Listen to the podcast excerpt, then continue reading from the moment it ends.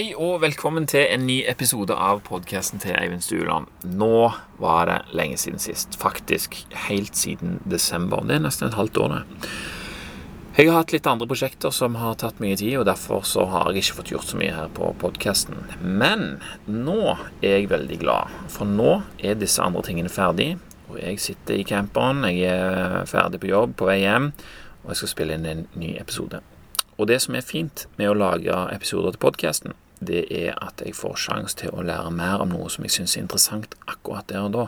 Altså Én ting er å høre om noe og bare sånn mm, 'Det var interessant.' Men med en gang du begynner å tenke sånn 'Å, kanskje jeg kan lage en episode om dette', så begynner du å prøve å finne ut mer og begynner å grave. Liksom, mm, og den prosessen der, den lærer en ganske mye av. Så det er jeg eh, veldig glad for at jeg er i gang med nå igjen. Jeg har jo lest mye og syrt mye på, selv om jeg ikke har lagd episoder. Men det er noe helt annet når du skal prøve å forklare noe. Eh, jeg sitter i camperen, som sagt, og det blåser mye i dag. Det kan dere sikkert høre, men jeg håper dere tåler at det er litt naturlig bakgrunnslyd her. Det kan vel ikke kalles for bakgrunnsstøy, det er vel mer sånn biler og sånn. Eh, så ja. Det er egentlig ganske koselig for så si det rett ut. Grunnen til at jeg hører så mye susing, er jo fordi at det har kommet blader på trærne, og det går ikke an å være noe annet enn veldig fornøyd med det faktum at det blir vår og sommer nå. Så Nok om det. Eh, det var òg veldig hyggelig forresten å få mail og kommentarer av noen av dere eh, som fortalte meg at dere savna podkasten og lurte på når det kom nye episoder. Det gjør det jo selvfølgelig ekstra kjekt å komme i sving igjen. Tusen takk til dere. Og selv om jeg sier at jeg lager episoder om det som jeg finner interessant, er det òg veldig hyggelig å høre om hva dere syns er interessant. Og det kan jo hende at jeg syns det samme og finner det for godt å, å prate om. Send meg gjerne en melding på eivind.podkasten.no hvis du føler for, og det kan du òg selvsagt gjøre hvis du bare vil si hei. Så en ting som i det siste har pirra nysgjerrigheten min, eh, det handler om hvordan vi opplever verden. Eh, og hvordan vi handler ut ifra det. Sant? Altså, For hva er det egentlig som skjer? Det har jo vært diskutert i tusenvis av år. Og det har jo alltid versert en haug med sannheter om hva som er tilfellet. Og dette her går det an å tenke om i tusen forskjellige retninger om. Eh, det skal vi ikke gjøre i dag på denne korte lille episoden, men jeg håper du kanskje blir litt nysgjerrig og får lyst til å tenke mer på det. For Tenk bare på hvordan vår egen posisjon i universet har forandra seg. sant? Jorden er sentrum. Nei, solen er sentrum. Solen er stjerna. Universet er uendelig. Det fins verken opp eller ned på det. sant? Altså, dette her forandrer seg hele veien. Og jeg òg har hatt mine egne fasjoner av hva som er sant gjennom livet. Jeg har jo sagt det før, på et tidspunkt så trodde jeg at jordkloden var som noe som var et kart som var på en måte hang over oss, på en måte, og speila dette stedet som vi befant oss på. Og jeg hadde ikke engang noen tanke om hva det var vi gikk på her, liksom. Og jeg husker ennå den dagen når jeg lærte at det ikke var sånn. Det var i bilen på vei hjem fra fra barnehagen. og Det var helt sånn, det var helt vilt. Jeg måtte liksom gå gjennom et par andre antakelser på bakgrunn av det jeg lærte den dagen. Jeg husker bare satt helt i ro og siktet ut vinduet og opp, liksom sånn. Alt jeg har trodd må revurderes, liksom. Og svogeren min, som jeg òg har fortalt om, han hadde jo en enda bedre en. Eh, om, eh, om hva han visste om eh, mennesker som døde, at de kom til himmelen. Eh, og at det var inni de oransje greiene som henger på sånne høyspentledninger eh, som er strekt over fjorden for at flyvende maskiner skal kunne se de. Han har jo en oppfatning i dag. sant? Den er like sann som han var den gangen. Og det er jo mest sannsynlig fordi at noen andre har sagt at det er ikke sånn. Men hvis vi aldri hører eller oppdager noe annet, så vil vi heller ikke ha noen grunn til å endre oppfatning. Så både meg og svogeren min har endra oppfatning etter hvert. Det fantes andre mennesker rundt oss som visste bedre, og som kunne forklare oss en bedre versjon enn, eh, av dette her enn den som vi sjøl hadde. Og det er sånn kulturen virker. Vi kommer ikke med noen sånn ferdig installert oppfattelse av hva som er rett, eh, bare av å vokse opp av oss sjøl, liksom. Vi hører og vi ser og vi antar basert på det. Og noen ganger så sier vi noe eller spør om noe som gjør, gjør det klart for de andre som er rundt oss, at at uh, vi trenger litt hjelp. At vi ikke har den mest logiske eller beste forklaringen på hva som, hva som skjer. Og jeg sier mest logiske eller beste, for det vil være for dumt av oss å anta at det er akkurat vi som vet hvordan ting er. Sammen. Det oppdages nye ting hele tida, og det har det gjort i tusenvis av år før oss òg. Vi kan bare si noe om hva som antageligvis er mer rett enn noe annet. Eh, og dette er veldig lett for mange personer å, å forstå det samme når vi har bred tilgang på forskning og det er lett å kommunisere. Sant? Da kan vi forstå mer. Men hva hvis vi ikke kunne det? Hva om ingen fortalte oss at det var annerledes enn det vi antok, basert på den begrensede informasjonen vi hadde? Jeg husker jeg så en dokumentar om en stamme fra Amazonas. De hadde aldri sett sivilisasjon eller andre mennesker før. De kom ut av jungelen der eh, de hadde liksom blitt drevet på flukt av skogsdrift og var helt stressa. Liksom visste ikke helt hvor de skulle gjøre av seg. Samme det. Det som var fascinerende, det var å sette seg inn i og få et innblikk i hvordan de tenkte. Sant? For de hadde ikke fått informasjon fra utsida. Det var bare de. Eh, og det var mange mange interessante ting der. Men på et tidspunkt i den dokumentaren så ble jo disse her folka spurt om hva hva som skjedde med dem når de døde. da, Og de svarte faktisk noe veldig, veldig lignende det som svogeren min sa. Og de svarte med den største selvfølgelighet. Sjelen for nedover elva et lite stykke, fram til han for opp mot himmelen og havna inn i de flyvende røra langt der oppe på himmelen. Logisk, sant? De hadde ikke sett andre mennesker, men de flyvende røra, de hadde de sett. Og basert på det de visste, så lagde de seg en sannhet om hva det måtte bety. Sant? Det er jo det hjernen vår er spesielt kjent for, å finne mønster og legge sammen to og to. Men sant? vi kan jo bare legge sammen de tingene som vi vet. Vi kan ikke legge sammen fra ting vi ikke vet. Hvor skulle ellers sjela blitt av? De visste han føyk opp til himmelen. Hvor i himmelen? Der! Der på den tingen der. Det må jo være det. Så Og dette her var jo voksne mennesker. De hadde ikke eh, Sånn som meg og svogeren min, vi ble liksom fortalt allerede når vi gikk i barnehagen at nei, nei, nei, det, det er ikke sånn, men det var veldig festlig. Men, men, disse de var voksne folk som liksom Ja, de, de hadde ikke like mange å lufte antakelsene sine med da som vi har. Eh, og dermed så gikk de bare rundt og hadde denne oppfatningen som vi hadde kvitt oss med, med, lenge, med, for lenge siden. Uh, og den dokumentaren her, den tror jeg heter First Contact, hvis du vil se den. Den var ganske kul. Selv om den var litt dårlig òg, da. Men uh, det er dødsinteressant, syns jeg, å sette seg inn i hvordan sånne mennesker tenker. For det er sånn vi mennesker egentlig er. Det er kulturen vår som er forskjellig, ikke DNA-et. Sant? Og vi har en tendens til å tro at det vi vet, er rett. Vi tror fremdeles at vi har god peiling på hva som skjer, samtidig som vi vet at vi alltid har trodd det. Vi trodde vi hadde roen for 2000 år siden, vi trodde vi hadde roen for 500 år siden. Og på flere måter så hadde vi jo mer roen da enn vi har i dag, men på andre måter så var vi òg helt vekke. Sant? Vi trodde òg vi hadde roen i februar, og at vi skulle feire påske på hytta. Sant? Men det viste seg at det var kun de som hadde bobil, som kunne gjøre det. Vi så det ikke komme, og når vi først får vite noe nytt, så tar det for de fleste ikke lang tid før det er en naturlig del av hvordan vi lever. Vi vet at jorda er rund, vi skjønner at vi ikke er sentrum av universet, og vi begynner å fatte at det er lurt å gjøre noe med klimaet. Vi vasker også hendene og holder oss hjemme hvis vi har visse symptomer. Men dette her er ikke noen regel, at vi oppfører oss fornuftig basert på det vi vet. Hvorfor er det sånn? Hvilke handlinger utfører vi som ikke henger på greip med det vi forstår? Det er her jeg syns det blir interessant.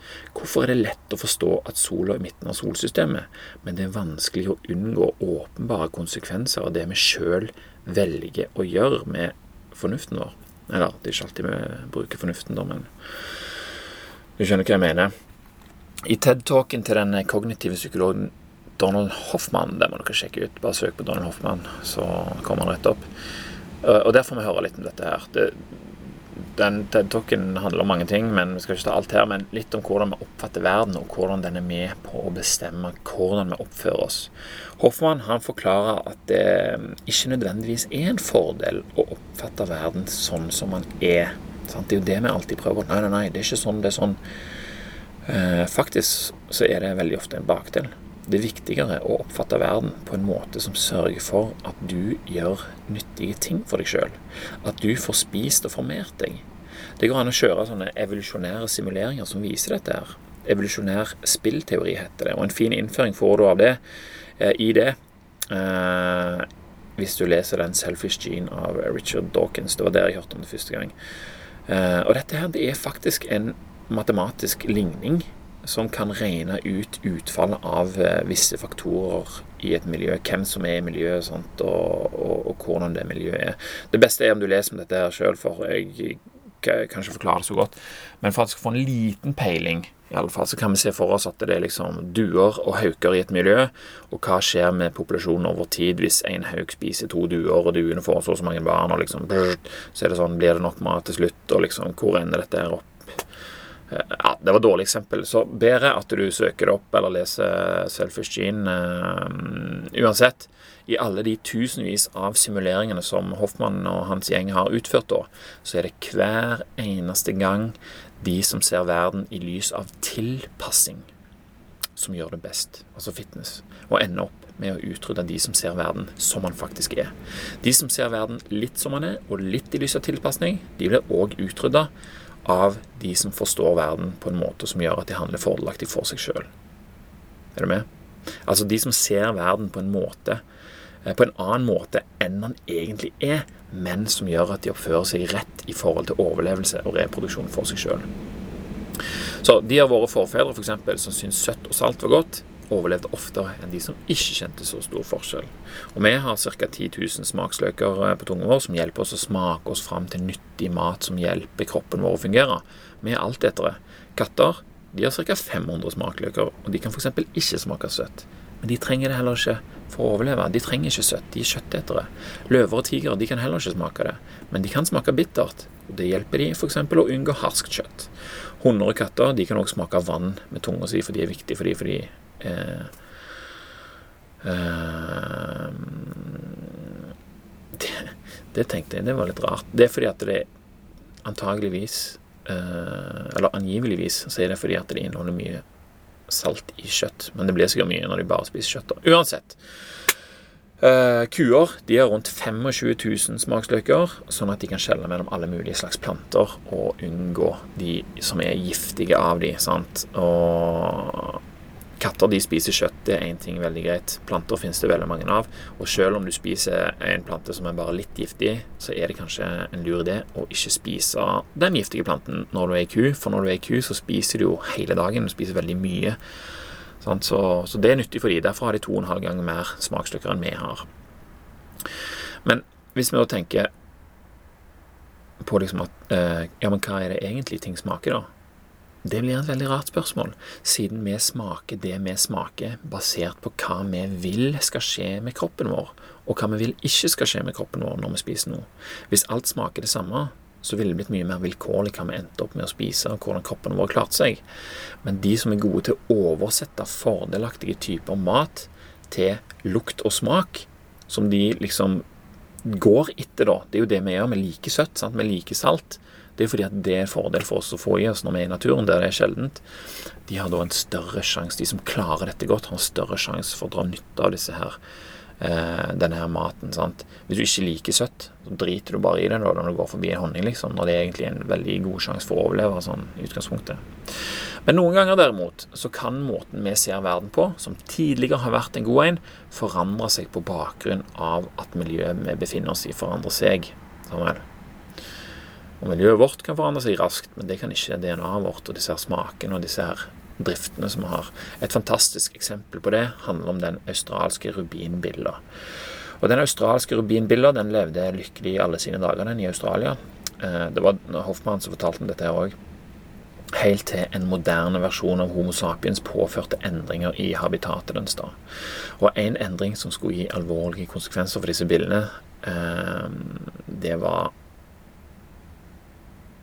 skal vi se Ja, én endring som skulle gi alvorlige konsekvenser for de bildene eh, som ble utsatt for denne endringen her, skulle jo da gjerne eh, holdt jo på å utrydde de, rett og slett. Og Den australske rubinbilla den har et brunt, ruglete og blankt skall.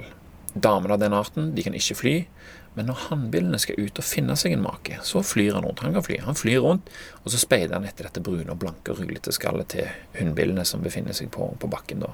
Og det har vært nok, det. Brunt, blankt og ruglete skall, det er alt den har trengt å lete etter. Hvis han fant det, var det stor sannsynlighet for at genene dens ble videreført til neste generasjon. Easy. Enkelt og greit å forholde seg til. Jo større, desto bedre.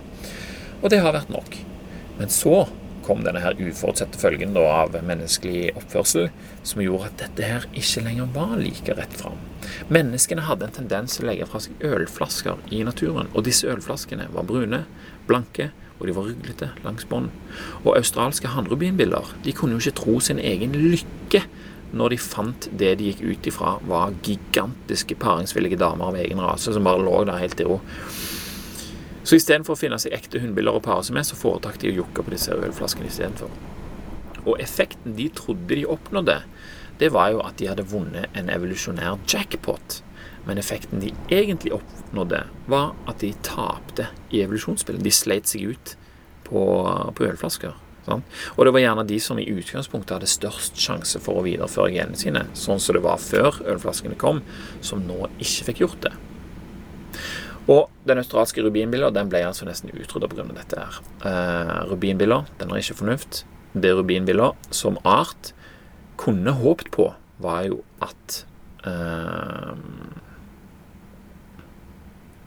det tilfeldigvis kom ei hannbille flyvende som hadde en mutasjon som gjorde at han ikke var like opptatt av størrelse. En som oppfatta verden litt annerledes enn hans artsfeller. Da ville det plutselig være han som hadde fordelen, fordi han så noe på en måte som gjorde at det var mer rett. sant? Da ville det vært han som fikk videreført sine gener videre. Og det ville etter hvert, eh, etter hvert blitt vanligere for nyfødte rubinbiller å ha hans evne, da. sant? Som til fordel for den som brydde seg mest om størrelse. Da kunne den arten være eh, levd videre. Men eh, det er jo ikke sikkert det bare er størrelsen eh, det handler om. At hannbillene nødvendigvis eh, var så opptatt av det. Det var kanskje bare lettere å få øye på. sant? Og at når de først hadde funnet seg i flaske og slet seg ut på det, ansatte som en god partner, så var det liksom ikke poenget å, å lete etter en annen. I hvert fall ikke en som var mindre. Og poenget er jo da at vi har lett for å tenke at det vi ser, er det vi ser, og at det vi føler, betyr det samme som følelsen gir. Det er jo iallfall den billa. Vi gjør mye det samme. Eh, og det har kanskje i utgangspunktet fungert sånn. Det må jo nesten ha gjort det, eh, siden det har overlevd så lenge eh, som de har. At det som smakte godt, var godt, og at det som føltes godt, òg var godt for oss. Men det er hvordan vi oppfatter miljøet vårt, som overtaler oss til å oppføre oss på visse måter. Og det er det som styrer om vi kan få unger eller ei. Og det er jo det det ofte handler om, hvis ikke det alltid. Det er godt med sex, sant? derfor har vi det, og derfor har vi en tendens til å få barn. De som ikke liker å ha sex, de må finne fram andre metoder for å motivere seg til å få barn, hvis det er det de ønsker da. Men det er ikke så mange av de som i utgangspunktet eh, ikke liker sex. da. Altså Det er en annen sak å ikke ville gjøre de tingene som skal til for å, å ha det nå i det moderne samfunnet. Det, det finnes det mange tilfeller av. Men i utgangspunktet så er vi stort sett interessert i det. Og de genene eh, Eh, i individer som ikke liker å ha sex, de har jo en tendens til å ikke bli videreført. Sant? Det er flere som liker sex nå bedre enn å få barn, og vi har til og med funnet ut med fornuften vår flere metoder for å kunne gjøre det. Vi kan ha sex selv om vi ikke får konsekvensen som er å få barn. På den måten skal vi følge driftene våre uten at de gir de konsekvensene de var meint å skulle ha. Og vi syns òg epler, appelsiner og salat det ser veldig fristende ut. Og fargen har mye å si på det. Evolusjonært så har rødt kjøtt og røde vekster, gult fett, eggeplommer, gyllen honning, grønne vekster og knasende blader de har gitt oss fordeler i overlevelse. Og det er ikke bare eh, det er ikke, det er ikke naturen som sier til oss at disse fargene er gode. Det er vi som art som anser de som det på bakgrunn av fordelene som de har gitt eh, oss når vi har gått for de over lang, lang tid. De som har oppfatta disse fargene og utvikla en smak for de, eh, de har oppnådd fordeler av det over tid. Og De samme genene de sendes jo da videre, og sakte, men sikkert så blir det en del av den underbevisste virkeligheten vår. Rubinbilla den ble heldigvis redda, den. Den hadde som sagt ingen fornuft sjøl. Det var oss mennesker som måtte finne ut eh, av dette her og komme an til unnsetning. Ølprodusentene de Hør på den vinden veldig kos. Ølprodusentene de endra på flaskene sine sånn at det ble færre barnløse rubinbiller grunnet denne misforståelsen av virkeligheten.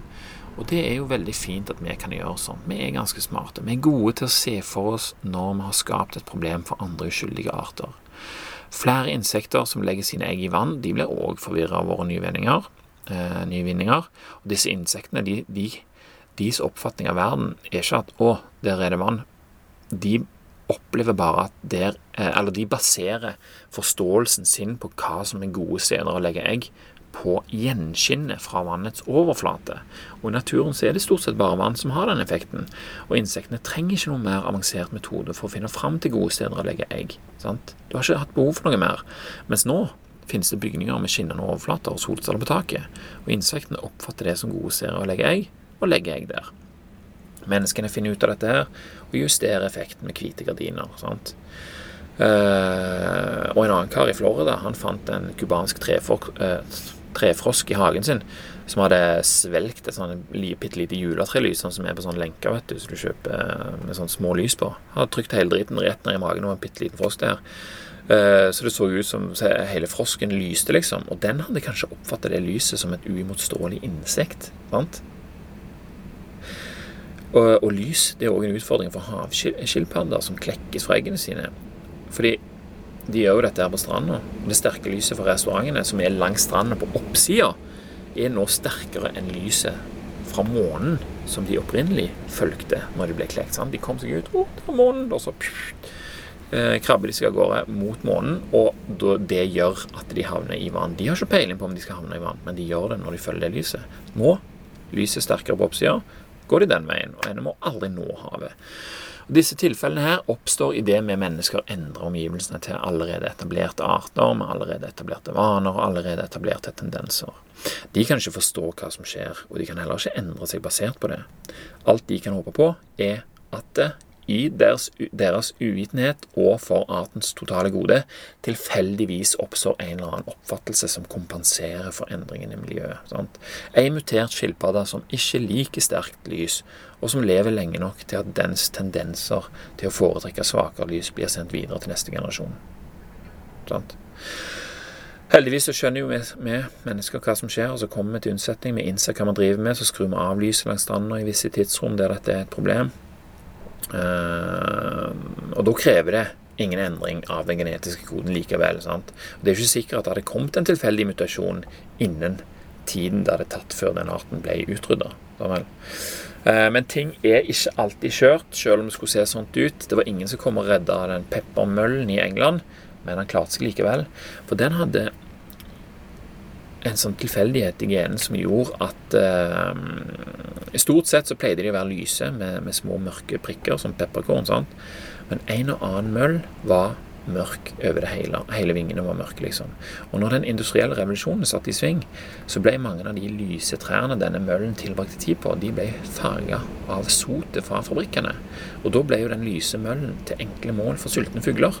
Og snart så var det de hvite møllene som var sjeldne, mens de eh, som var helt svarte, de fikk sende sine gener videre hele veien. Så da ble det mer av de igjen. sant? Bordet var snudd. Men så ble jo lufta renere igjen, og det var ikke så mye sot lenger på trærne. Da ble det lettest å være hvitmøll med svarte prikker igjen. Vi renser ikke lufta for denne møllens del, men dette var en av de store tingene som vi oppdaga liksom, eh, effekten vi kunne ha på miljøet, og hva slags konsekvenser det kunne ha for eh, de som befant seg der. da. Uh, og Grunnen til at vi kunne se det så lett, er jo fordi at møllen lever ikke lenge. En generasjon omsettes raskt, så vi så resultatene raskt. Vi er som sagt vant med å tenke på hvordan andre får det når vi endrer miljøet deres. Men hva med oss sjøl, da? Hvorfor er det så lett å se hva vi driver med når det kommer til biller og skilpadder? Hvorfor er det lett for oss å forstå at solen er midten av solsystemet, men vanskelig å unngå åpenbare konsekvenser av det vi sjøl velger å gjøre? Det er ingen som har endra miljøet sitt mer enn oss. Men vi går rundt og tror at vi unnslipper alle disse tendensene som vi tilfeldigvis oppdager i dyreriket, liksom. Det er sikkert tusenvis av millionervis av andre òg, eh, ting som skjer som vi ikke får med oss. Men faktum er, vi liker fremdeles rødt, gult og grønt. Og det kan vi se med at det er de samme fargene som går igjen i f.eks. McDonald's sine reklameplakater og emballasjen. I tillegg så er hamburgeren med gult brød, gul ost, rød ketsjup og grønn salat. Sant? Dette her blir en umotståelig fristelse for øynene. Og det kan virke som òg smaken er noe som mange foretrekker. Men gir det oss den samme fordelen som før? Blir det de samme individene som oftest går for disse fargene, som oftest gjør det best evolusjonært? Nå finnes det jo selvfølgelig bra og dårlige versjoner av både rød, grønn og gul, og vi vet òg stort sett hvilke det er.